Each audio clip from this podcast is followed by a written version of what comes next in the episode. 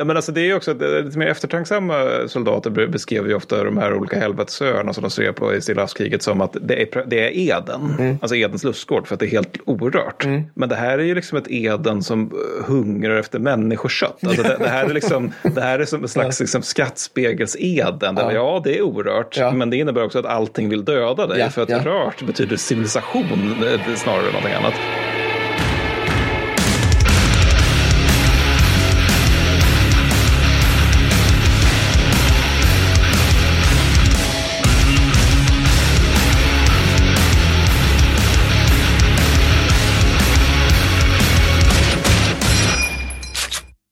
Innan vi sätter igång med avsnittet så um, det, är inte en, det är inte en shout-out riktigt, det är snarare en minnesruna. Men det var framförallt från en lyssnare som heter Tobias Andersson som vill eh, framföra till en Carl Torell som citat Afghanistan-veteran, gruppchef och blivande specialistofficer. Han gick bort under sista terminen på fältarbetsskolan och kommer alltid vara saknad av EOD och sökkompaniet. Slutcitat.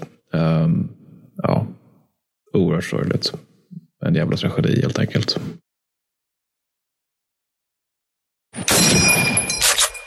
Fantastiska, underbara, snygga lyssnare. Hej, hej, välkommen till Krigsrådspodden.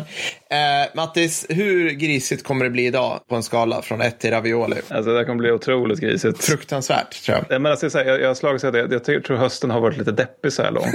Senaste reguljära ja, avsnittet ja. vi pratade om, alltså Patreon-avsnitten är lite piggare, men, ja. men senaste reguljära var ju att det sög att det var, knäck, var ja, knäckt. Ja, precis. Eh, nästa kommer bli att göra upp med sin historia. Det, liksom stämmer, det passar in i den här novemberstämningen. Så. Ja, men precis. Liksom, I nästa avsnitt så kommer jag nämna typ projekt 731, mm. vilket är som att dra, dra ner till minus 8 i well-being-nivån. Ja, liksom. ja. Alltså, det, det är så här liksom, skruvmejselaborter i Rumänien-nivå på deppighet. Yes. Liksom, ungefär. Yes. Så att eh, ja, vi levererar det här till icke-patreons.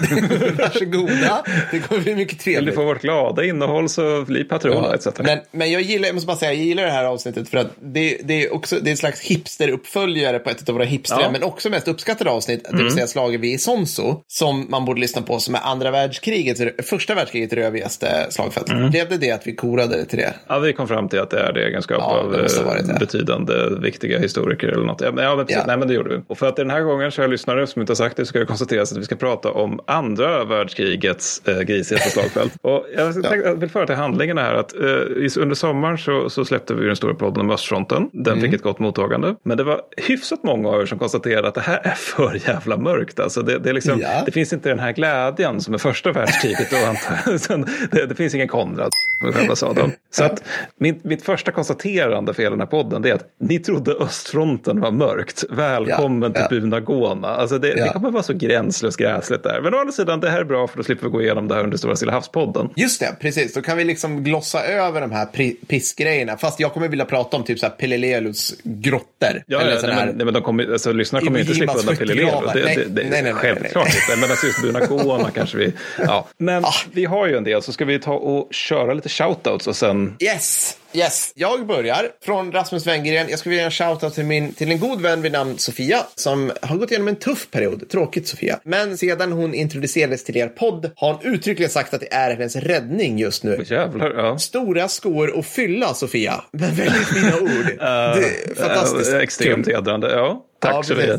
När vi började låta äh, då blev vi lite överväldigade. Ja. Det, är vårt, äh, det är vårt överväldigande ljud. Shoutout till henne helt ja. enkelt. Det ska du ha Sofia. Och, och till oss säger även Rasmus Wenngren. Tack så hemskt mycket. Sen har vi från Fredrik Wester som är en riktig, riktig tapper man. Han hänger runt på Discord och allt sånt där. Va? Mm, ja, fin kille. Shoutouts till alla paradoxare mm, som lyssnar på podden. Jag vet redan att Mark och Jakob lyssnar, men det finns säkert fler. Så givetvis en glad hälsning till alla Paradox-spelare. Paradox är alltså ett eh, dataspelsföretag som vi har till och med spelat deras spel på Twitch. Finns på YouTube. Ja, det. Och här skulle, här kommer jag, om jag säger någonting så här bittert över att vi inte är så här helsponsrade, då kommer Fredrik klippa bort det bara. Ja, så jag säger inget bittert Nej. över det bara. Och så går vi vidare. Vi vill inte bränna framtida broar så att säga. Vi vill inte bränna framtida broar, men vi trodde att vi skulle få ut lite mer av paddock. Nej, jag menar, eh, det klipp där. Ja, klipp Taskigt sagt av mig. Klippa. Okay. jag har nu ändå, ska vi se, då ska jag ta upp eh, Apple Podcaster där vi har fått en recension som är från, den här vill jag läsa upp länge, men vi har ju liksom satsat på att dra ner på mängder shoutouts mm, så att jag har inte gjort det. det. Men det är då en, ingen mindre än Sportfåne 1 som ska ge oss fem stjärnor, vilket vi tackar storligen för, Just. med rubriken En speciell podd. det börjar bra. Det börjar väldigt bra. Och sen, sen kommer det, detta blir en lång recension, men det får vara så. Började med VK, avsnittet förra hösten. Var först väldigt frågande till allt märkligt skrattande i en podd som behandlar ett av världskrigen. Och säkert många med mig. Knappt ett år senare har jag lyssnat på de flesta avsnitten och många mer än en gång. Trots min initiala skepsis så fortsätter jag lyssna då ämnena är väldigt intressanta och allt eftersom förstår man kontexten. Lika mycket som Mattis och Per driver med det absurda i krig och många av dess karaktärer, lika stor är respekten för de individer som drabbas av dess fasor på slagfältet, allehanda folkmord, PTSD etc.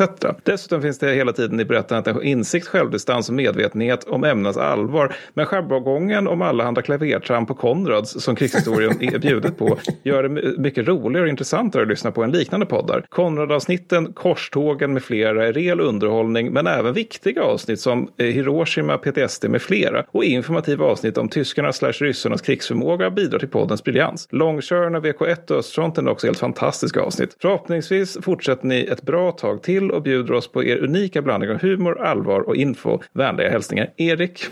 Jäklar det var väl typ det finaste någon har skrivit till oss. Eller i alla fall, alltså, det jag tycker blir väldigt glad över det här, det är att den är så, är så välformulerad och, och, eh, och resonerande. Ja, vi, ja verkligen. Ja. Men så här, genomtänkt. Eller liksom, Extremt. Ja. men, men, men verkligen så. Det, det är alltså, något med övermedel formuleringsförmåga också. Mm. Som gav oss fem stjärnor. Sen fick vi för sig det från Snabelfia en stjärna. Det står för mycket trams. Bra intressanta ämnen. Jag klarar inte av tramset så jag kan inte lyssna mer. och, och jag älskar det, eftersom vi, vi är de vi är är så här piskade ja. lutheraner. Så det vi kommer komma ihåg från det här det är ju snabelfias. Ja, där vi bara, fan vad jag tramsar. Ja, jag nej. måste sluta. I och för sig vill jag ändå säga att snabelfia skrev den recensionen alldeles efter vi släppte avsnitt 80 om kvinnor under Vietnamkriget. Vilket jag skulle vilja förfäkta ett av våra mindre flamsiga avsnitt. Men, ja, ja det, det är konstigt. Men, men, så kan det vara med det. Men det Erik skrev, jag måste bara säga det. Det är intressant för att det där, vi får ju ibland kritik, det händer extremt sällan. Men att så här, vi, alltså, vi ska inte, så här, vi ska inte liksom flamsa när det är jobbigt. Men på ett sätt så blir det så här, i och med att alla andra poddar är så här gravallvarliga ja. när det gäller krigshistoria. När vi väl är allvarliga, då kanske folk fattar att det är fucking allvar. Uh, Eller förstår du vad jag menar? Ja, i det bästa av världar så är det så i alla fall. Det... Alltså att den här uh, vågrörelsen Ja, det, är ju liksom... jag hoppas att det är så. Ja. Eller också så framstår vi bara som sjukt okänsliga. Men jag hoppas att det är så, för ja, det är nämligen lite intentionen. jag, jag vet inte. Jag bara väljer att tro det. Lät som det på, på det Erik skrev där. Ja, det, det tycker jag fint. också. Ja. Sjukt fint skrivet. Ja, väldigt fint. Just det, och sen så är det också att vi är faktiskt nominerade till Guldpodden i år igen. Och den här gången tänkte vi att vi faktiskt skulle ta hem någon jäkla kategori. Vi, stort tack för att ni nominerat oss och vi är nominerade i kategorierna Årets podd, Årets kulturpodd, Årets dokumentärpodd, Årets hobby slash fritidspodd, lol, vutt, eh, Årets poddklippare, det vill säga Fredrik Hagelin. Och ni får hemskt gärna rösta på oss i samtliga kategorier. Men tänk taktiskt gärna, för i år är P3 Dokumentär inte nominerat. Så att dokumentärkategorin känns som en, det känns som en bra kategori att satsa lite på om du skulle göra för det. Vinner vi så kommer vi sätta oss på någon, eh, någon bar i Stockholm och liksom patroner som vill dyka upp får komma och dricka bärs med oss. Om vi får någon pokal kommer den följa med. Så in och rösta mer. Det skulle betyda mycket för vårt ego om inte annat. Och så att jag inte glömmer säga det, det är guldpodden.se som ni röstar på. Nu, nu kör vi. Så, slut navelskådande. Låt ja, oss nej, prata. Nej, nu fortsätter först. alltså, ja, ja, och nu blir det roligt. Ja. nu blir det fniss rakt igenom. Ja, ja, det här blir... Det här blir ju, jag har funderat, alltså jag kollar på mina, eh, an, jag kollar på mina anteckningar och bara så här, det här är ju någon form av så här, terrängpodden. Alltså, så här, mm. ska man säga så här, skogsmästare skulle lyssna på den här podden. Jägmästare. Eller typ så här, jägmästare, precis. Som min morfar. Ja. Exakt, liksom. Och bara så här, aha, mm, mm. ja, ja, rör sig i terräng, ja, mm. mm ja. De vet precis varför det här blir jobbet. Ja, men ska du berätta vart vi är någonstans ja, till att börja med? Nej, men så här, orienteringen, det är att vi är, befinner oss på Papua Nya Guinea. Mm. Året är 1942. Och det som har hänt då är att japanerna har anfallit från nordöstra kusten och gått ut på någonting som heter Kokoda Track. Mm. Där har de haft det jättehärligt. Australiensarna har då retirerat via äh, Kokoda Track. Ja.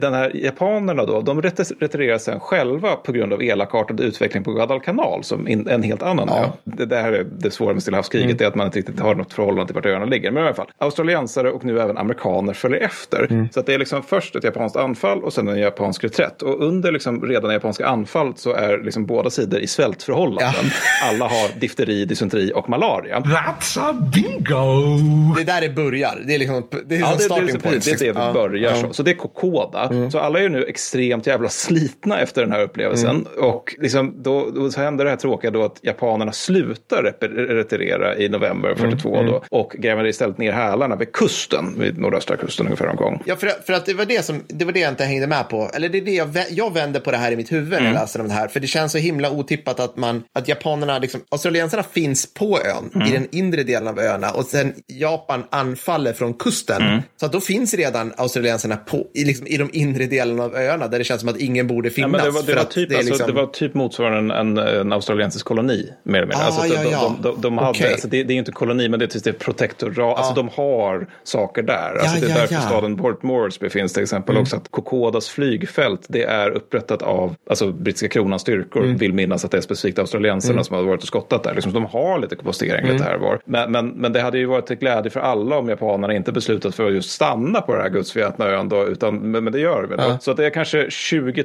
000 australiensare och amerikaner som då går genom Owen Stanley Ridge, som den här bergsdjungeln heter då, mm. och möter då så kanske 5,5 tusen japaner då vid kusten. Och japanerna stärker, stärker också upp för eh, successivt ja. under slagets gång så att de, de blir fler. Och här, redan här börjar förvirringen för att de allierade tror minns nu här, 5500 japaner ja. till att börja med. Ja. De tror att japanerna antingen är 2000 man ja eller två skyttegrupper.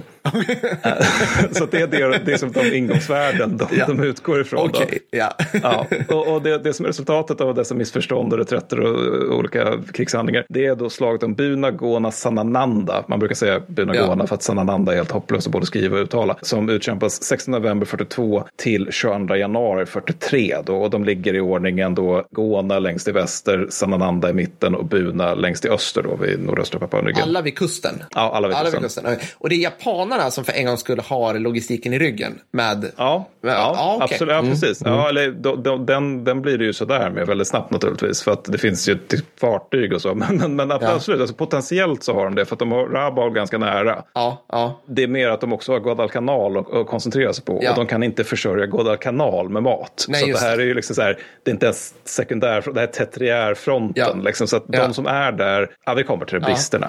men, men vi, vi ska prata lite grann om det här med, med, liksom, med, med terrängen tänkte jag. Men jag tänkte faktiskt att vi skulle börja med klimatet. Ja, det ska vi göra. Mm. Tropiskt kan vi säga. Tropiskt, ja. ja. ja. Vi skulle kunna sammanfatta det som en bastu också. Ja. Är det inte så här nu försöker jag se jordglob framför mig, men visst är det så att ekvatorn är, de få ställen som den rör land mm. är ju över Papua Nya Guinea, eller? Jaha, är det så det är? Ja, det är möjligt. Alltså ja. det, är typ, det typ går inte att bli mer tropiskt för att den liksom går exakt över, den går rakt genom Afrika och sen, och sen... Det kan nog stämma. Nu är det någon som har en jordglob runt sig och bara han är helt ute och cyklar. Det är något åt det hållet säger ja. jag. Mm. Nej, men alltså, jag kollade upp det här då, för kring Sanananda idag så blir det november-januari någonstans mellan 29 och 36 grader. Och ja. luftfuktigheten Fuktigheten vid Buna under samma period är 77 till 80 procent. Mm. Och då kan vi då göra en jämförelse. I Sverige blir det nästan aldrig så här varmt. Nej. Och när det blir det så är det sommar och luftfuktigheten ligger på kanske 60-70 procent där mm. någonstans. En annan aspekt då, det är att i november regnar det i snitt varannan dag vid Buna. Mm. Totalt 408 millimeter. I november. Det är jättemycket regn. Ja, men det här, är torrt, det här är torrt om vi jämför med januari då det faller 566 millimeter i regn. Oh, herre... Och då är det inte så att det regnar varannan dag utan det är uppehåll var fjärde dag. Så i ja. övrigt är det bara ösregn, ösregn. Och då kan vi då göra en liten jämförelse här. Dessa 566 millimeter på en månad. Ja. Stockholm snittar 539 millimeter per år. Ja. Ja. Det här är liksom, det, här, det, går, det tror jag är en aspekt man faktiskt inte kan föreställa sig utan uppleva det. Att det, det är så jävla mycket regn. Mm. Alltså det är Stockholms årsnederbörd per månad under hela slaget, mer mm. eller mindre. Och dessutom så är det också att det, det här är liksom genomsnitt från idag. Alltså det, då förekom det 250 millimeter regn på enskilda dagar. Så halva Stockholms årsnederbörd på en dag. Ja. Och ibland är det för att det är någonting i stil med att alltså, värmen binds av kunajgräset som vi ska återkomma till ja. vad det är för någonting. Och vi ska prata kunajgräs. Mm, mm, ja, det är så jävla mm. vidrigt. och då kan det bli liksom 50 grader varmt när man ja. är i gräset. Ja. Och det är väldigt, väldigt varmt. Och då ska vi också bestänka att allt det här regnet faller på soldater från 42-43 där alltså amerikanerna, australiensarna har i november inte fått igång den här liksom glassfabriksbetonade logistiken som vi brukar tala om. Just det. För det har vi ju hausat i alla andra avsnitt vi har gjort. Så, så nu sitter ju folk och tänker jaha, och det är väl bara att gå in på officersbaren och dra på, dra på aircondition. Jag förstår inte vad som är problemet Mattis. Där de har paraplyer som man delar ut till varje skyttesoldat och regnponchos. Men nej, nej, inte riktigt så. Inte riktigt så. Det saknas i regel uniformer att byta mm. till. Alltså mm. man har den uniform mm. man har och den har man tills den ruttnar mm. direkt på mm. kroppen. Ja. Det är lite nasty. Men det är också det att framförallt när de är uppe i bergen där och Stanley Ridge, då är det liksom att de, alltså då blir det fruktansvärt kallt på nätterna naturligtvis. Och då, då är det liksom alltså fler personer måste liksom dela på en filt, saker i den stilen. Liksom. Och den filten är dessutom blöt. Så det är omöjligt att, alltså det är omöjligt att bli torr på dagarna, det är omöjligt att bli varm på nätterna. Ja. Eh, och det här är ju då för de allierade, vilket naturligtvis innebär att japanerna har det mycket, mycket, mycket värre. Givetvis. Och att soldaterna är liksom så här aldrig torra under det här slaget. Och att det är liksom ett sånt jävla skyfall, att det liksom finns beskrivningar hur man har liksom gravar, latriner och värn som blir liksom bara en stor gegga där allt oh. möjligt bara. Liksom. Jag tänker vi sätter tonen med det här helt enkelt. Ja, ja men det är jättebra. Jag, jag bara sitta med det här med regn. Mm. Är det inte i the Pacific så är det någon scen jo. där typ en, någon, någon amerikan skjuter sig för han klarar inte av att det, att, att det regnar hela tiden på honom.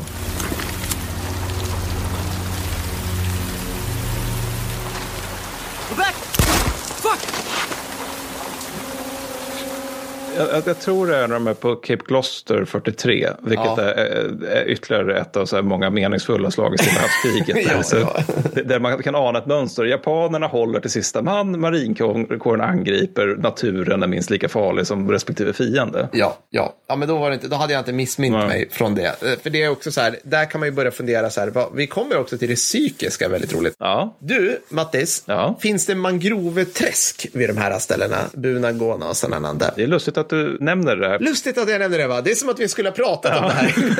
Nej men alltså de ligger ju, Bunagården och Sananda ligger ju på en kuststräcka vid havet. Så ja. liksom sydväst om byarna ligger träsken. Ja. Och här töms liksom Owen Stanley Ridge-bergskedjans alla floder ut.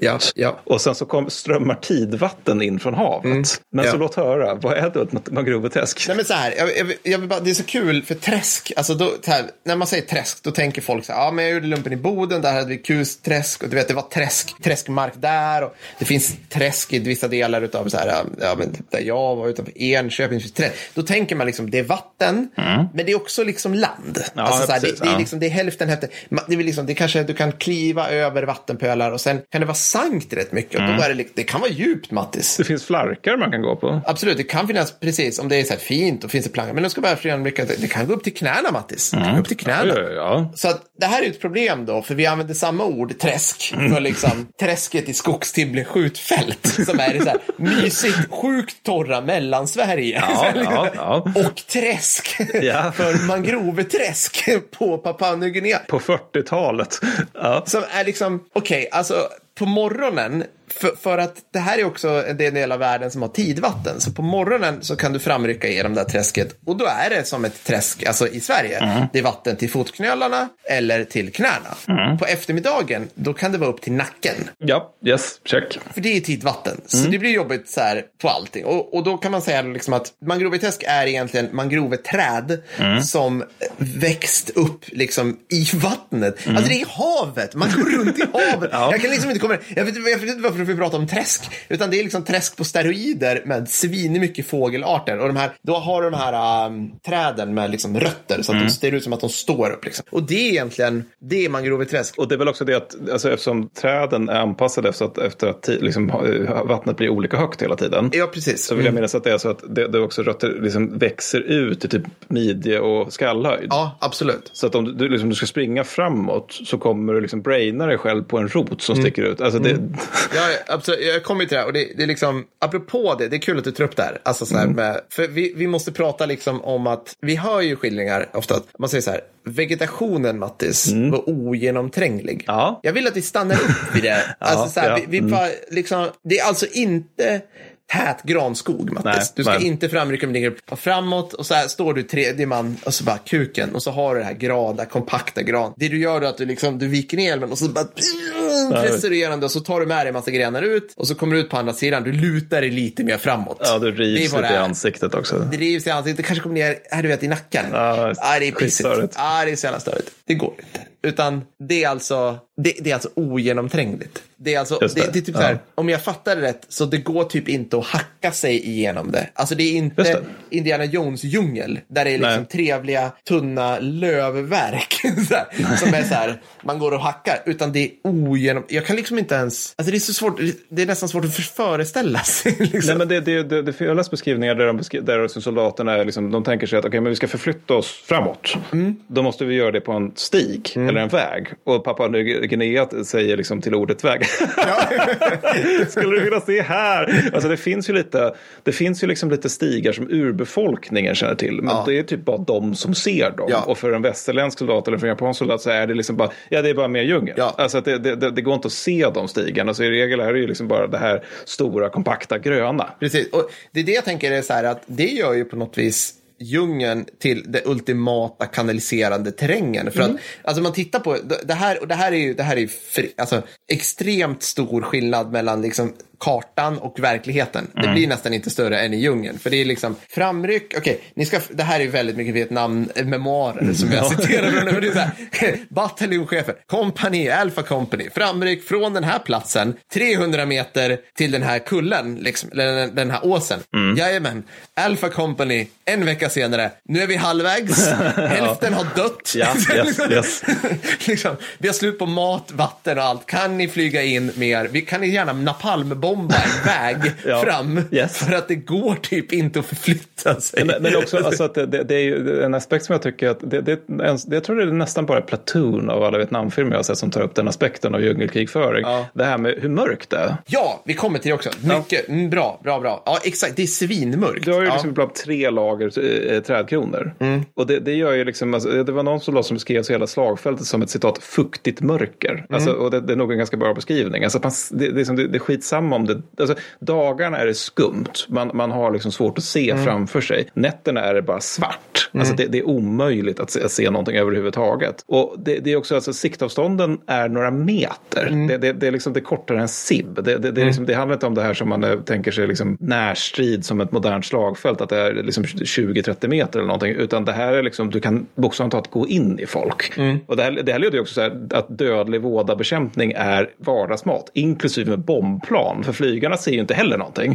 Ingen ser något. Det, det är liksom att, ja men oj, det var ett, sjuk, ett av våra egna sjukhus där. Ja. Men hade, var inte du, det var ju någon annan avsnitt vi pratade om att eh, var det japanerna eller var det vietnameserna som fick B-vitaminbrist för att de aldrig såg solen? Nej, det var Vietnam-avsnittet. Det är Vietnam, men även japanerna ja. får, får, får, får brister. Men vi kommer komma till dem. Ja. För, för det är ingen jävla Disney-djungel vi pratar om. Nej, nej, nej, det är inte Avatar. Där det, är så här, det, är liksom, det är en massa så här färggranna blommor som håller på. Och du, du springer på en stock över en så här forsande älv. Eller liksom ja, jungle cruise. Liksom. Utan det är vidrigt. Det är som grottor. Du strider i grottor som vill försöka ha ihjäl dig. Med, ja, men alltså, det är också lite mer soldater beskrev ju ofta de här olika helvetesöarna som de ser på i Stilla havskriget som att det är, det är Eden. Mm. Alltså Edens lustgård för att det är helt orört. Mm. Men det här är ju liksom ett Eden som eh, hungrar efter människokött. Alltså det, det, här är liksom, det här är som en slags liksom, skattspegels-Eden. Ja. ja, det är orört. Ja. Men det innebär också att allting vill döda dig. Ja, för att rört betyder civilisation eh, snarare än någonting annat. Precis. Ja, men det är alldeles fantastiskt. Du, vi har mer skoj i terrängen här. Mm, Matte, ska berätta för dig att i Bunagona växte kunajgräs. Ja, låt höra om kunajgräs. I, I de torra delarna av terrängen. Så, okay. så det här blir roligt, Dogge. Ja. det här är Pers form av humor. Ja. Det, här, det här är min form av humor nu. För nu, nu blir det liksom, nu blir, ja, Gräset kunde bli över två meter högt. Kan bli, jag förstår inte vad Kunajgräs kan bli över två meter högt, mm. så du ser ingenting. Mm. Och det är liksom gräs som, eller fan jag har sett bilder, det, det, ser faktiskt, jag ska inte säga så här, det ser ut som grässtrån. Det ser typ ut som um, nästan så här omoget vete. Alltså det, det, är, mm. liksom, det är lite så här fladder längst upp, lite, ja, strunt samma.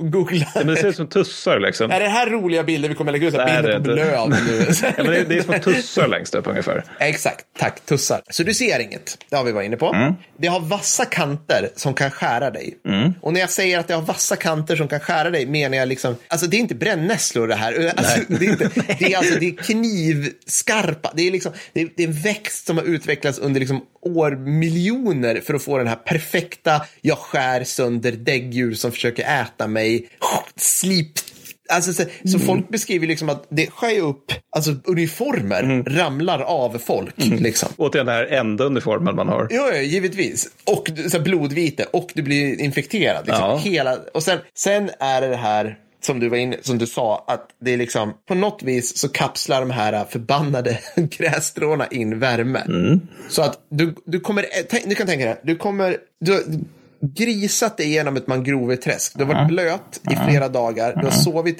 under en trädstam i under vatten. Ja. typ. ja. Och sen säger någon, jag tror det är, jag tror det går uppåt nu, jag tror vi kommer upp på land säger de. Och du bara, fan vad skönt. Jag har varit blöt hur länge som helst. Jag, jag, har, liksom, jag har iglar i snoppen. Mm. Liksom. Nu ska jag äntligen upp härifrån. Du kliver upp. Du kliver in i kunajgräs. Mm. Det första som händer är att du får tusen småsår. Yep. Det andra som händer är att du tar ett kliv in och du, det är som att någon slår dig över huvudet med en värmeklubba. Yep. Det kunde alltså bli över 50 grader där. Mm. Och det, det, är så varmt att det inte går att förstå. Nej, och du har ingen vätska i kroppen. Nej. Så allt det här, och det, det är 100% luftfuktighet. Mm. Fredrik, kan vi få luftfuktighetsjingeln? It's not so much the uh, heat, it's the humidity that will kill you. Vi har ingen sån jingel. Men nu... jag vill bara säga, bara säga det angående knarkgräs. Det brinner dessutom väldigt lätt. Exakt, precis. Så att det, det, det, det, det var liksom någonting som man faktiskt aktivt gjorde. Försöka sätta eld på kunajgräsfälten så att det skulle bli liksom lite ja. Eh, halvmys för de som gömde sig i det. Precis, men det växer upp fort som fan. Ja, alltså, det, det, är ja. nästan som en energigröd. Alltså, mm. så, här, men, ja. så att du har två, du, har två du, du, du dör i vatten mm. eller du dör 50 grader. Det är det du väljer mellan. Ja. So you're telling me there's a chance. Ja, ja precis. Okej, okay, så luftfuktighet har vi nämnt några gånger. Mm. 60-70 grader, då, då, är det liksom svensk sommar. När temperaturen är över 32 grader, generellt, vi pratar inte om luftfuktighet nu, Nej. bara när temperaturen är över 32 grader, då kan inte din, din, ba, din bara hud stråla ut tillräckligt med värme och svettning måste ta över. Så mm. du svettas nu. Om det är då mycket fuktigt ute, då ligger fukten redan mot din hud ja. och avdunstningen, alltså din värmereglerande funktion i din kropp, den du har för att reglera din din värme i din kropp för att få ner din värme sker inte tillräckligt snabbt. Det. Och det är ett exempel då, för man pratar ju alltså på vintern, man pratar om kyleffekt på vintern, mm, lärde man mm. från lumpen. Du vet, det blåser plus att det är 20 grader kallt, då blir det, känns det som minus 40. Just det, alltså, just det. Ja. Ja. det finns ju samma sak fast med, fast med värme då. Aj då. Mm. Nu, blir, nu Per räknar gingen nästan här. Mm. just det här med siffror. Det här är svinhög siffra för stridsvagnar. Här blir arg och irriterad. Hur mycket många stridsvagnar? 3000. 2,9 respektive 3,8 miljoner man. 13 000 T72 i Östtyskland.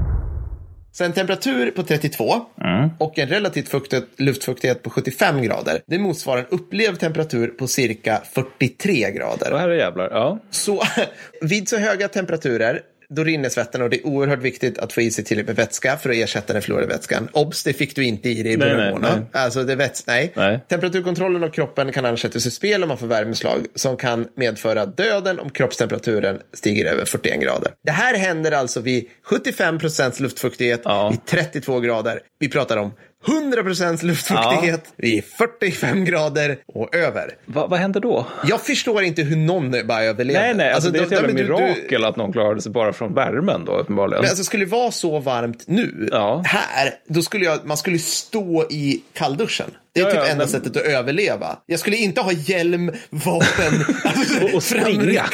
och springa. nej, alltså, nej. I, liksom, nej, precis, I vadmal eller fan vad uniformen. Alltså, ja. det, det, går inte ens att... Nej, jag, alltså, jag var ju på Rhodos nu under sommaren. Och där vill jag minnas att det var 36 grader. Och mm. det är ju så liksom varmt att jag och min fru grälade stora delar av för, liksom, kring, ja. kring liksom, när solen stod högst. För att mm. det var, man blir liksom arg av värmen. Så om man lägger på 10 grader och till skillnad från Rhodos då där det är ganska torrt. Ja. Exakt. Det är svinbra att du säger det. För att jag pratade med folk som var i Mali och mm. de beskriver, det här var stabsfolk, eller de jobbade i staben. Mm. De beskriver också exakt det, att man blir arg av värme. Ja. Det blev typ som en grej. Ja. Vi är förbannade nu. Ja. Och det där borde ju också, alltså så här. Du tänker att den här vreden och striderna känner alltså... mot varandra, att det kanske bidrar lite grann med att man är, ja, jo, det kan det säkert göra. Vi, vi, vi, vet vad, ta, du som lyssnare, ta med dig den lilla tidbiten mm. också, plus den, när vi kommer till det psykologiska. Ja, sen. Än en gång så har vi en annonsör i det här avsnittet, nämligen podden Skärpt läge. Det här tycker vi är jättekul, eller hur Mattis? Ja, ja det är jätteroligt. Eh, ovant. Väldigt trevlig podd som gästas bland annat av min vän Miguel Guerrero. För vi överlappar varandra lite grann i Afghanistan. Han vet verkligen hur en slipsten ska dras och kan det här med kris och krig. Sen kan jag rekommendera första avsnittet för jag gillar verkligen den här diskussionen om försvarsvilja mellan bland annat komikern Mikael Tornving och en annan kvinna som var någon form av pacifist. Jag tyckte det var bra. Det där är ju någonting man lätt glömmer. Det är att han är ju officer. Ja, ja Eller han har varit exakt. det i varje fall. Och han är ju trots det, eller på grund av det, väldigt rolig. Podden finns där poddar finns. Helt enkelt. Vi tar och lyssnar på deras mäktiga trailer. Är du säker på att du vet vad du skulle göra om det blev krig i Sverige? Skärpt läge är en podd från Länsstyrelserna. I Skärpt läge får du råd och tips på hur du kan stärka din hemberedskap du får också panelsamtal med några av Sveriges viktigaste personer inom ämnet som ger perspektiv på hur det civila försvaret bäst ska rustas upp. Är du säker på att du är redo? Lyssna. Skärpt läge finns där poddar finns. Vi hörs. Men ska vi prata lite brister Per? Jag älskar brister. Nej, men vad roligt. Nu ska du få ditt lystmäte. Nej, men som sagt, de allierade har ju alltså absolut inte fått igång sin logistik när de inleder det här slaget. Nej. Så amerikanska soldater Ja. De som vi är vana vid deras ice cream barges, golfbanor, yeah. picknickplatser yeah. och så vidare. All, allt det här som krävs för att amerikansk skytte ska liksom gå runt på livets nödtorft. Ja, det går ju inte annat. Nej, det går 5000 kalorier per dag, minst. Ja, ja. minst, minst hälften socker.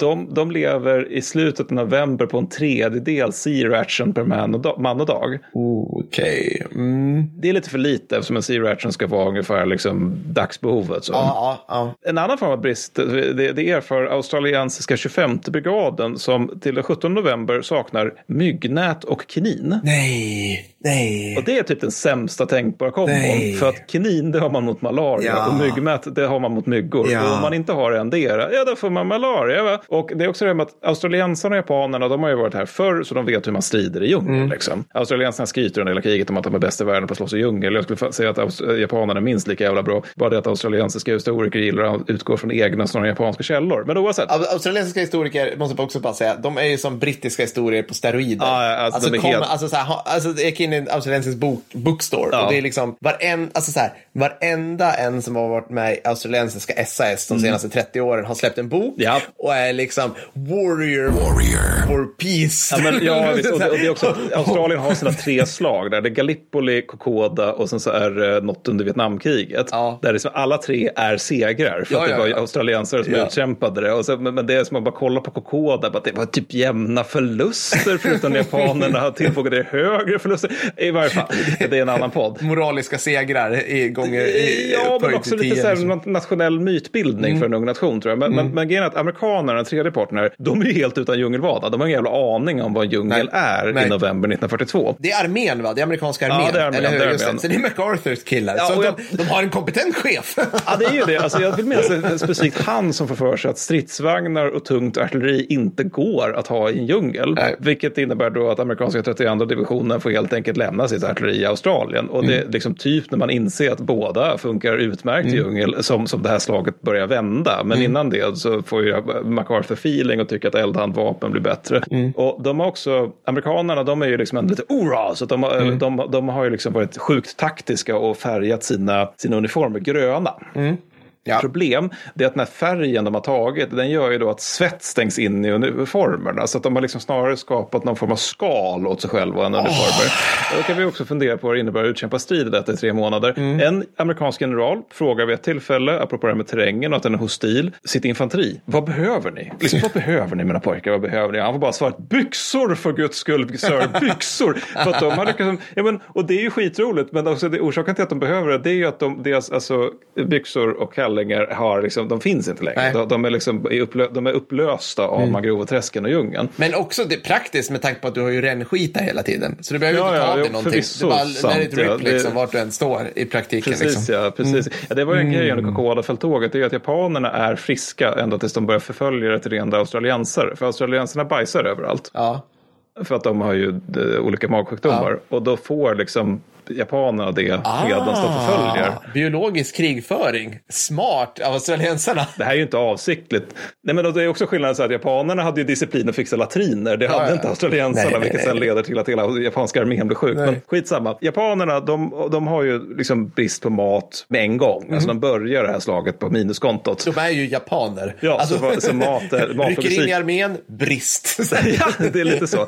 Men de inleder krig mot USA med ransoneringar. Liksom. Ja. Men så att de erfar alltså ren svält kring julafton. Mm. Och innan julafton, så har, alltså redan innan det så har de ätit bark, jord och stupade allierade.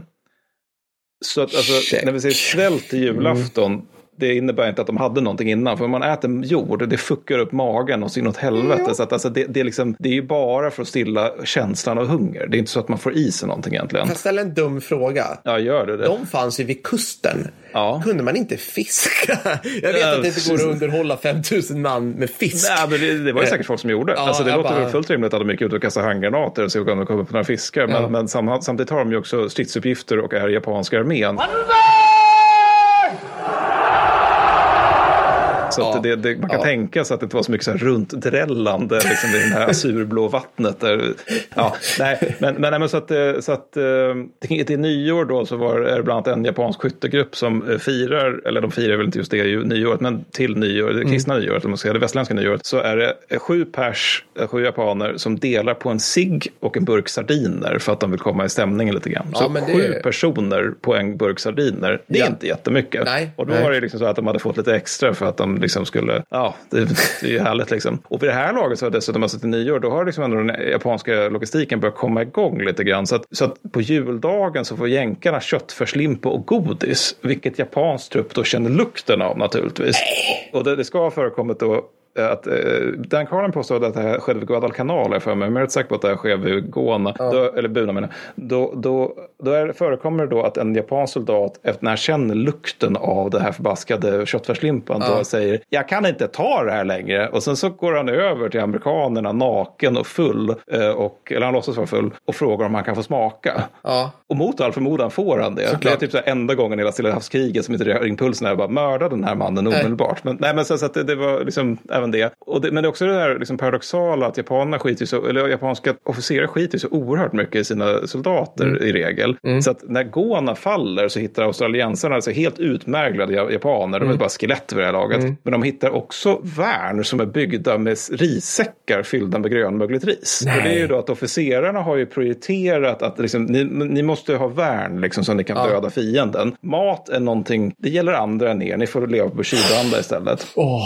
Och det, sen har en annan sista brist bara, det är ju det här med att de här extrema förlusterna på båda sidor, det leder ju också på en, en brist på officerare. Mm. Så i mitten av december så är samtliga japanska kompanichefer vid Buna döda. Mm. Och mm. samtliga generaler från USA är sårade, exklusive Eichelberger som anförare. Det är ju rätt Vadå, samtliga, vänta ta det där igen, samtliga generaler? Amerikanska... Alla, alla, generaler vid fronten är sårade förutom Eichelberger då som är den som är högsta chef. Grejen var att när han tar över, då är de, de amerikanska styrkorna så jävla demoraliserade, vilket man kan förstå. Mm. Att han bara, vi måste ha allt vid fronten, vi generaler måste visa liksom framåtanda och visa skyttet att vi mm. är också här med er. Liksom. Mm. För hans föregångare hade någon så här, typ så att ja men det är 17 timmar mellan honom och fronten och flera mm. broar som ganska ofta regnar bort så. Medan Eichelberger var liksom lite mer så här, vi måste visa dem. Och det leder till att generaler anför infanterianfall, där de såras naturligtvis. Ah, det här, då liksom, de, är jag med. Ja. Nu förstår jag. Det är lite medeltida nästan. Ja, ja, alltså, det, det, det är så snuttifierat.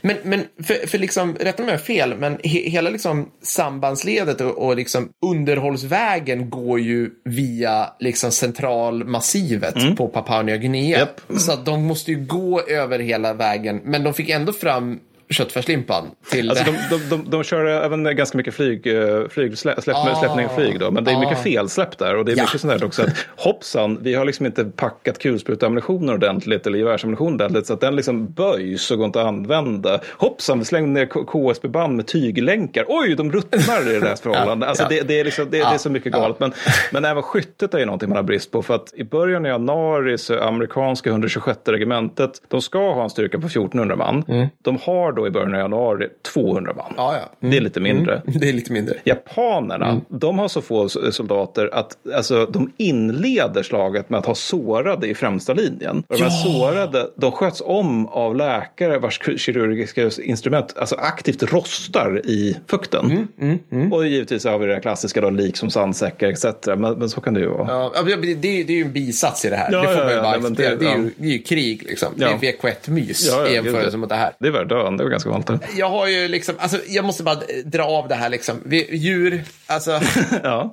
Ormar, spindlar, skorpioner, sinnessjukt många insekter, malaria, mygg, tusenfotingar, solras som din underarm. Så, då har vi alltså ja. allt piss. Alla ja, kan det här. Ja. Växtlighet, det här fick jag ramla över. Träd, de har inte taggar. Nej, träd. Nej. De har spikar. Jaha, ja. ja. Det var ju olyckligt. Ja, malaria har vi nämnt några gånger här. Ja. Jag ville bara liksom att vi stannar upp där också. Så att, okay, vad, betyder, vad är malaria? Mm. Ja, okay, det är en parasit. Mm. Och såklart det är en fucking parasit. Ja. allt är äckligt ja. i det här avsnittet hittills. Allt är äckligt. Det är klart, klart det inte kan vara ett virus. Det ska vara en parasit som bor i din kropp. Kroniskt dessutom. Mm. Det är ändå djungel. Från 1177, citat. Du kan få ett eller flera av följande symptom. Frossa och svettningar, febertoppar, ont i muskler och leder, huvudvärk. Du kan också få diarréer, må illa och börja kräkas. Mm. Så det, okay, det, är en, det, är en, det är en vanlig måndag för många av er som sitter där ute, förstår jag också. men, bara jobbigt. Men liksom, jag vet inte om ni har mått dåligt i fält någon gång, men tänk dig att sitta i en vattenfylld grop nu, mm. svältandes, mm. törstig och livrädd Samtidigt som du har 40 graders feber, migrän och ont i hela kroppen. Mm. Där, så att vi skruvar lite på det här också. För att jag tror att det är många som lyssnar på det här och tänker så här, okej, okay, fan vad pissigt att kunna i gräs. Vad pissigt att gå genom mangroveträsk, fast det är ändå varmt vatten, tänker ja, de. Liksom. Ja, att, men du vet, men lägg på det här att du mår så jäkla dåligt. Ja, och fundera liksom också gärna så här, du har diarré och 40 graders feber. Du, du är liksom inte riktigt med vad som händer i din kropp. Nej, för det, det, det är intressant att du tar upp det där med eh, antal grader feber. För att jag, jag, jag en författare som jag läst. Och det här, jag tänker inte säga att det här absolut måste stämma. Nej, för det här låter nej. så extremt. Men, men en författare jag läst som, som har skrivit en stor bok om Bunagona beskriver, påstår att alltså, i december, mitten av december, mm. då evakuerar inte australiensarna män som har under 41,5 graders feber ur strid. För att de, alltså, de måste ha allt vid fronten. Ja. Och alltså, har du haft så hög feber? Jag tror faktiskt inte det. Alltså när jag var liten. Liksom. Jag har haft det en gång när jag var liten och jag såg saker. Ja, ja, ja. Alltså, jag såg så här svarta bläckfiskar och grejer. Mm. Alltså, det, det, var liksom, jag bara, jag bara halluc alltså, hallucinerade. Mm. Min mamma undrade vad håller du på vad pratar du om? För babblar om bläckfiskar. Mm. Och att man då tänker sig att man ska ta sig igenom ett mangroveträsk medan någon skjuter på. Alltså det, det låter jobbigt skulle jag säga. Bara leda sådana individer. Nu ska vi göra det här. Alla bara. Det, men det, det är ju nästan som den här där de brittiska soldaterna käkar LSD. Liksom. Ja, ja visst, absolut. Och typ så här, klättrar upp i träsk. Eller du vet, i träd och håller på liksom. Ja, men okej. Okay. Jag, jag är också inne på, ja, det här, för det här är min, nu är det Pers skrytgrej i det här avsnittet. Jaha, jag, har, jag har pratat med en riktig traumaläkare. Ja, ja. Vi har nu, från och med nu, han heter Martin, han är en fantastisk individ. Han är nämligen, han är traumaläkare och nu då hov, hovmedikus för Krigsstorypodden. Tillika GSST, precis som jag, ja. fast på Amfett, där han är läkare. Skitsamma.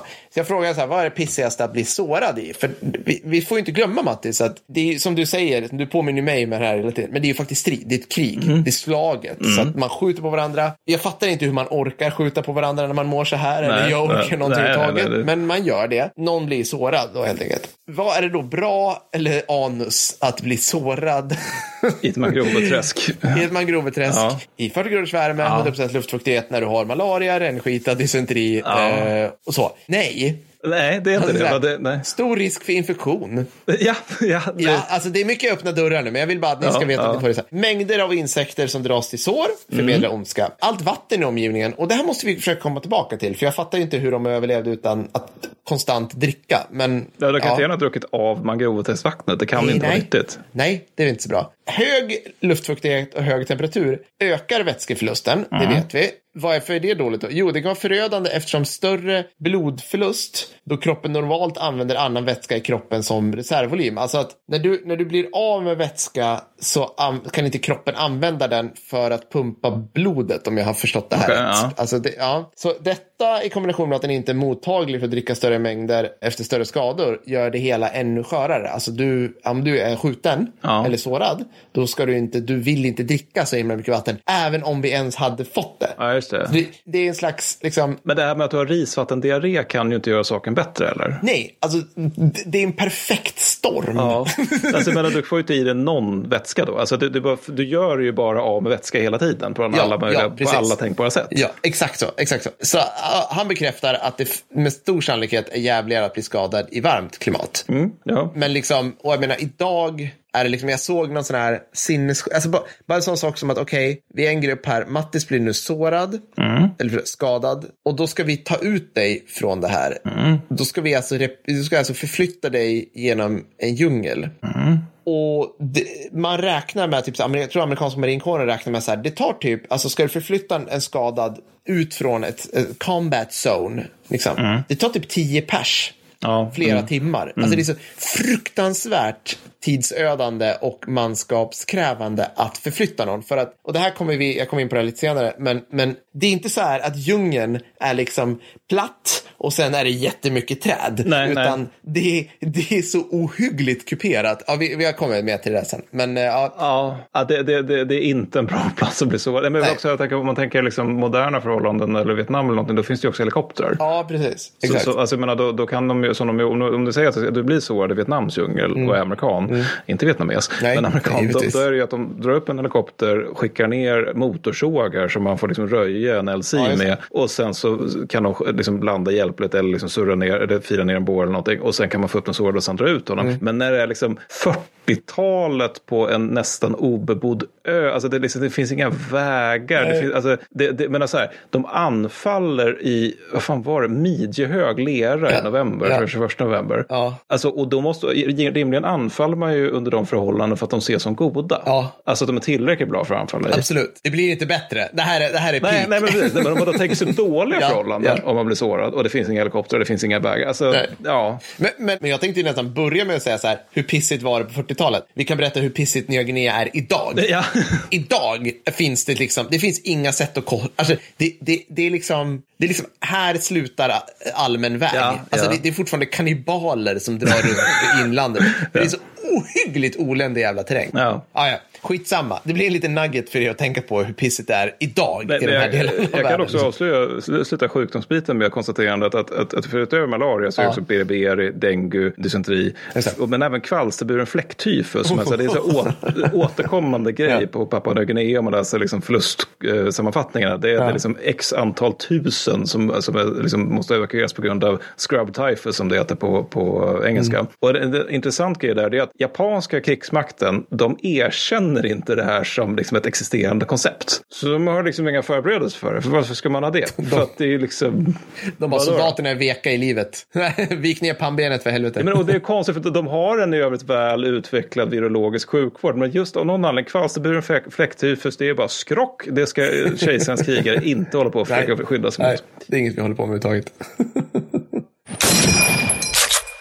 Men ska jag ta lite om lukten så kan du förstå lite djungelkrigen? Oh, gud, ja precis. Mm. Det här är ju en 5D-podd. Vi, vi, vi aktiverar du, alla dina sinnen, Vi vill inte skicka ut hur det luktar där. Men, men bara för att sammanfatta. Ja. Alltså, så är det ganska vanligt att japansk trupp strider i gasmasker på grund av stanken. Det visste jag inte. Oh. Och det, det, det säger nog någonting. För att ja. alltså, det finns många slagfält som luktar illa i krigshistorien. Men jag, jag tror aldrig jag har läst om att de, eller jo, några tillfällen. Men det, det är väldigt ovanligt att de bara drar på sig skydds skyddsmasken för att det, det luktar för jävla vidrigt. Vi, vi kräks annars. Men vänta, vänta. De, de, det luktar så illa mm. att de väljer att dra på sig en tätsittande mm. mask i så 40 graders värme och ja. 100% luftfuktighet. Förmodligen illa tillverkad också.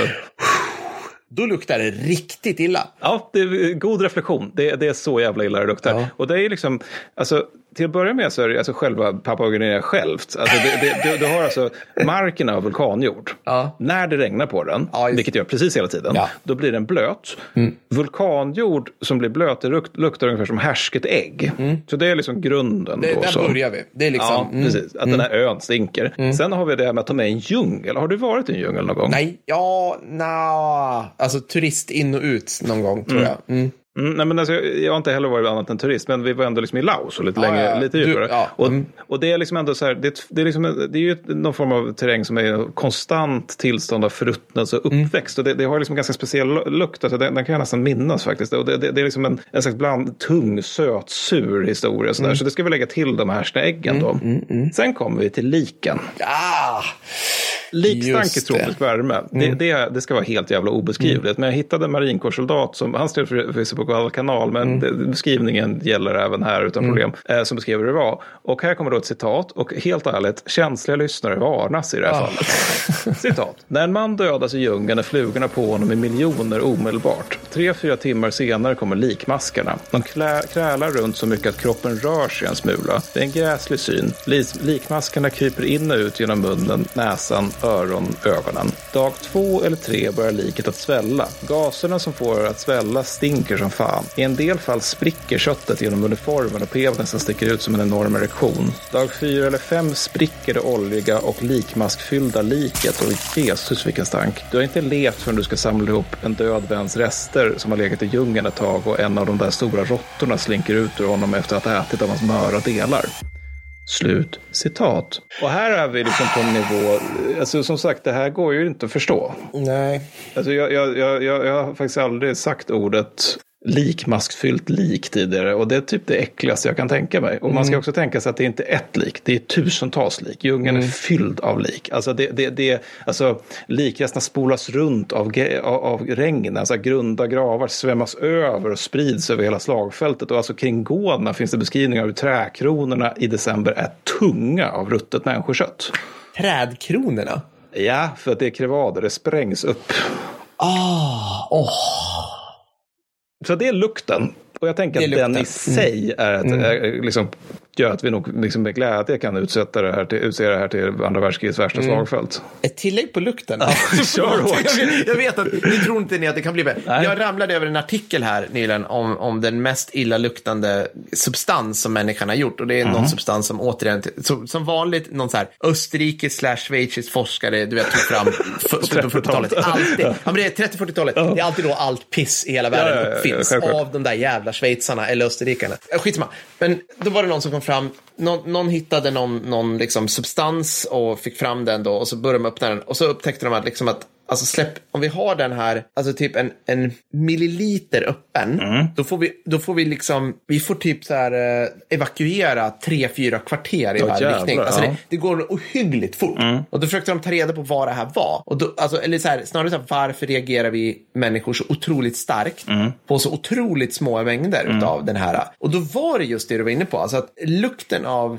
ruttet kött. Mm. Den varningssignalen som våra hjärnor drar igång då, ah, ja, ja, ja. är jättefin kalibrerad. För att det har ju fuckat upp så många gånger genom människans utveckling att vi, vi får inte äta ruttet kött för att då dör vi. Troopsen har också alltså rent evolutionär fasa ja. med, medan de utkämpar det här slaget. Ja, nice. Precis. Yes, våra förfäder, liksom så här, de som åt ruttet kött, de dog och kunde inte föröka sig. Och då... Ja, de är inte våra förfäder helt enkelt. De är inte våra förfäder, nej, precis. Nej. Så det var inte...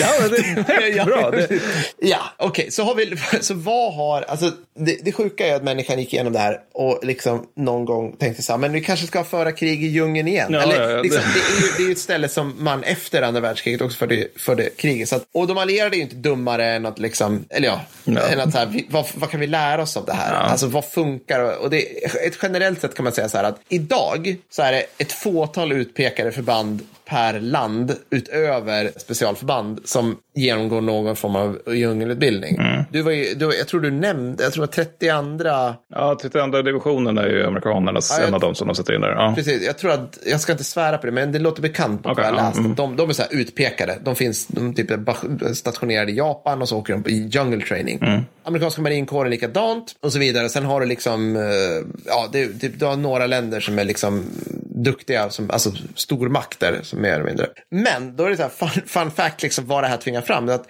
operationer i regnskogen tvingade fram, enligt förståsigpåare, nästan de här klassiska fyramanna operatörspatrullerna som mm, vi mm. känner till idag. Mm.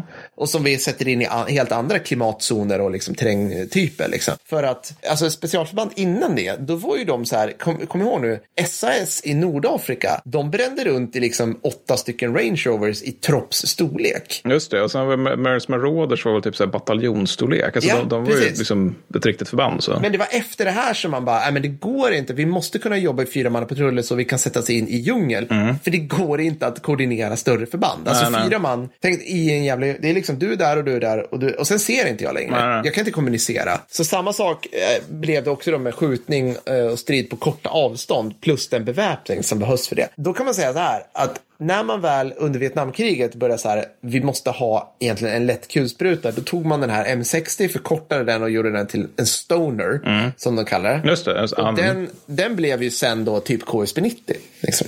Ja, var det det som var progressionen? Alltså nej, det blev det inte. men, liksom, man, man, tog fram konceptet buren, bandmatad, lätt kulspruta. Just det, ja efter att ha stridit i Vietnam så mycket. Och sen blir det ju som med allt annat USA gör, det är liksom ringa på vattnet ja, genom NATO. Och sen, men det kan vara nice att ha hög eldkraft på gruppen för, och inte, man behöver inte nå ut som en 7, med 762 ja. 700 meter. Liksom. Det ha närstridsvapen i grund och botten. Ja, men och sen, sen är det mycket då, liksom, jag menar, googla gärna liksom jungle training. Mm. Och sen, sen liksom försöker ni notera vad de faktiskt gör, apropå det här med terräng. Och det är så här, ja men absolut, det är liksom, du ska tänka på liksom, eh, man rör sig genom, alltså det basala soldatkunskaper, du liksom håller koll på din sektor och så här. Sen är det svin mycket repellering, korsning av vattendrag, ja. klättring, säkring, alltså. Någonstans här har vi strid också. Men, ja, ja, ja, men alltså, så, så, så att bara liksom ta den terrängtypen mm. också. Mm. Och så tänker du tillbaka på malariasjuka, ja, svältande ja. japaner, australiensare som bara, ja men okej, okay, här kommer vi till en 30 meter djup ravin och en,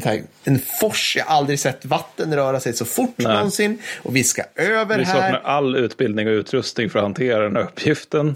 ja, ja, nej, det, ska det vi ju... knyta ihop lianer? alltså, så det är svinmycket sådär. Så de håller, de håller jättemycket på med liksom repellering, förläggningstjänst, bara för att kunna överleva. Alltså, mm. Hur kan du sova? Hur kan du återhämta dig i djungeln? Ja. Hur gör du ens det? Alltså, liksom, det är inte, alltså, ja, nej, nej. det går inte. Liksom. Eller det går väl om man, om man är, alltså, akklimatisering också har mm. de jättemycket. Mm. Liksom, bara för att bara gruppstrid, pat, patrullrutiner. Så mycket är liksom egentligen, mycket påminner om det vi skulle kalla för jägarstrid och den typen av verksamhet. Liksom. Då djungeln ofrånkomligen blir strider i små förband. Ja, visst. Jo, men det har kallats, alltså just kriget i södra Stilla havet har kallats för alltså, patrullkriget. För ja. att det, det bara bara är liksom just små grupper som är ute och stöter på varandra. Och sen så är det liksom den med flest automatvapen som vinner i grund och botten. Ja, precis. Sen är det viktigt så här, ledning är viktigt om man ska vinna krig. Mm. Vanlig VHF-radio, typ radio 180, typ mm. värdelöst där. För att du kommer aldrig, du kan inte sända över lövkronorna. Nu hoppas jag att Fredrik ja, kanske kan det här med samband.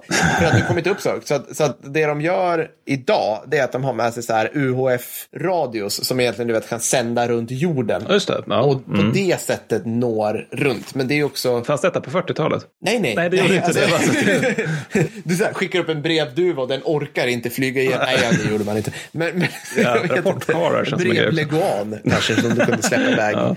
Och för liksom, ja, mycket sånt. Okej, okay, psykologiska. Kom ihåg nu vad ni skulle lägga till, kära lyssnare, i bakgrunden där. Mm. Ilska. Till det har ni någonting man, som dyker upp ofta. Det är att man pratar om de gröna väggarna. Ja. Du ser mm. ingenstans. Mm. Du ser ingenting. De given av samt att du kan gå i dagar, som vi var inne på, utan att se solen. Mm. Och så här, du kan få typ lappsjuka av att få ha det här gröna runt dig hela tiden. Alltså hjärnan tröttnar till slut på det här. Eller liksom som att det blir en whiteout. Alltså, men, det, blir alltså, för, det blir så för vitt fast det är för grönt. Ja, Förstår ni vad jag menar? Men, men hur överlevde liksom nordvietnamesiskt infanteri i åratal under de här förhållandena? Ja, men förlåt, ja, kör. Sorry. Nej, men, inte, liksom, ja, men det, det, det, alltså, hur överlever någon? Det är ju ja, ja, en stor fråga efter hela avsnittet. Ja, Okej, okay, så det pissar ner dig. Sen, Mattis, mm. det är aldrig tyst i en djungel. Det är helt korrekt. Det är helt korrekt. Det Den oftast. skriker kan jag rapportera. Den skriker. Ja, har du varit med? Har du ja, hört ja, visst. Absolut. Nej, men Det har jag hört. Alltså, det, det, det, det, det är inte klokt hur mycket det låter om det. Nej. Även på natten. Så du blir aldrig torr. Nej. Du får aldrig, det är aldrig Gud, tyst. Ja. Du får aldrig se ljus. Du är rädd exakt hela tiden. Du är livrädd exakt hela tiden. Alltså det här är okay. parodinivå på dåliga förhållanden. Ja. ja. det är verkligen det. Det är verkligen det. Per, hur kan du fnissa åt det här? Men vad ska jag annars göra än att fnissa åt ja, det, det här? Det är, ja. omöjligt. det är omöjligt att bete sig på något annat vis. Nej, men alltså, nej, men det är som att man ville skapa ett liksom, flowchart för hur ska vi tillse att de, liksom, folk har så absolut bedrövligt som möjligt. Bara psykiskt och sen har vi det fysiska också på det. Exakt. Nej, Okej, okay, nu Mattis. Lyft stämningen. Ja, nu ska vi lyfta stämningen. Vi ska avsluta på topp tänker jag. För att det är bara sista faktor som bidrar till det här slagets ja. överjävlighet. Det är ju att det är Stilla havet. Ja, som sagt, ni trodde östfronten var mörk. Välkommen, ja, ja. nu ska ni få höra på grejer här. För att alltså, de styr ens egenheter. Vi har de allierade, de civiliserade, de liksom västerlandets riddare i grund och botten. De är mycket obenägna att ta krigsfångar. Mm, mm, ja. Torterar ganska ofta de de faktiskt tar. Pratar du om japaner nu? Förlåt. Uh, nej? Nej, jag pratar nu om australiensare och amerikaner. Jaha, du gör det på riktigt? ja, det ja, ja, ja. Bra, så de, tar, de, nej, men nej, alltså, mm, de torterar oftast japaner? Och... Ja, det, det förekommer absolut att de gör det. Mm. De säger, ja, precis. De som de lyckas ta som krigsfångar. Ja, för det är ju det som aspekten av det hela. Ja, de ja. ges väldigt få möjligheter ja. att ta krigsfångar. Jag tänker på en nytillkomna historia. Så det var ganska länge sedan vi pratade om lag Japan under andra världskriget och deras totala obenägenhet att ge sig. Kan du låta en överste eh, Yasawa som stred vid, vill minnas att det är Gona, sammanfatta japanska inställningen till kapitulation. Citat. Det är inte tillåtet att retirera ens ett steg från något förbands ursprungliga ställningar. Jag kräver att varje man strider till slutet. De som saknar eldanvapen eller svärd måste förberedas för strid med skarpa vapen såsom bajonetter fästa vid pinnar eller med klubbor. Slutcitat. Ja. Ja. Det här är alltså en armé där folk som kapitulerar och sen lämnas ut tillbaka liksom som krigsfångar, alltså döms mm. för ett brott. Mm. Det är en armé där officerare har precis ett val om de kapitulerar och sen kommer tillbaka till Japan. Det är mm. självmord. De mm. här ger sig inte. Så Gona faller först, därefter mm. Buna. Japanerna är i båda fallen helt oförmögna att ge upp. I båda fallen så simmar japansk trupp till Sanananda för att fortsätta strida där. Mm.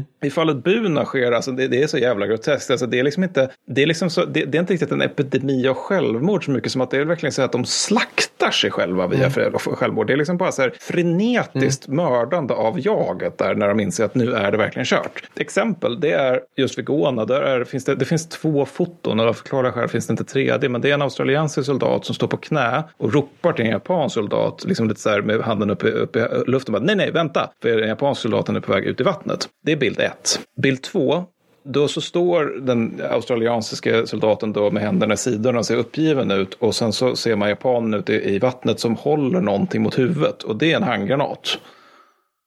Och det finns ingen bild 3. Mm. Alltså australiensarna försöker få den här mannen att kapitulera. Hans reaktion är att spränga skallen på sig mm. själva. Så det kan vi kalla en egenhet. Och allierade, mm. de allierade är inte alls vana vid det här beteendet. För det är så pass tidigt i Stilla havskriget. Framförallt i landkrigföringen. Mm. Och att man liksom börjar vinna över japanerna. Så de, alltså senare under kriget, 44-45, då är det här gängse. De mm. vet alla att det är på mm. det här sättet. De kommer inte ge sig. De kommer slåss till sista man. Så att de, de, de, är dels i chock. Men de dels också tänker att vi släpper flygblad över japanska ställningar. Där liksom vi uppmanar dem till, till till kapitulation. Mm. Och det här är typ ett skämt. Det är typ ett internskämt bland japanska mm. soldater. Att bara sko skojar de med mm. oss? Det är helt otänkbart. Så att alltså i de beslagtagna brev och dagböcker som eh, australiensarna hittar från japanska stupade soldater. Mm. Där noterar de att det talas aldrig om kapitulation. Nej. Det talas antingen om att invänta döden med värdighet eller om motanfall. Det är mm. liksom de två grejerna när man reflekterar över hur det går med striden. Mm. Och det hela då, det hela avslutas vid Sanananda som är, det är något av det sjukaste jag läst om. Alltså för det, det utkämpas längs med en smal stig som leder mot kusten. Och liksom längst ut på den här stigen har vi själva liksom lilla, lilla, lilla, lilla byn Sanananda. Och runt om stigen så återfinns, ja, det du beskrev, citat, inom citationstecken, en kompakt vägg av djungel, ja. slutcitat. Ja. Träsk och japanska bunkrar. Mm. Så att du måste på den stigen. Mm.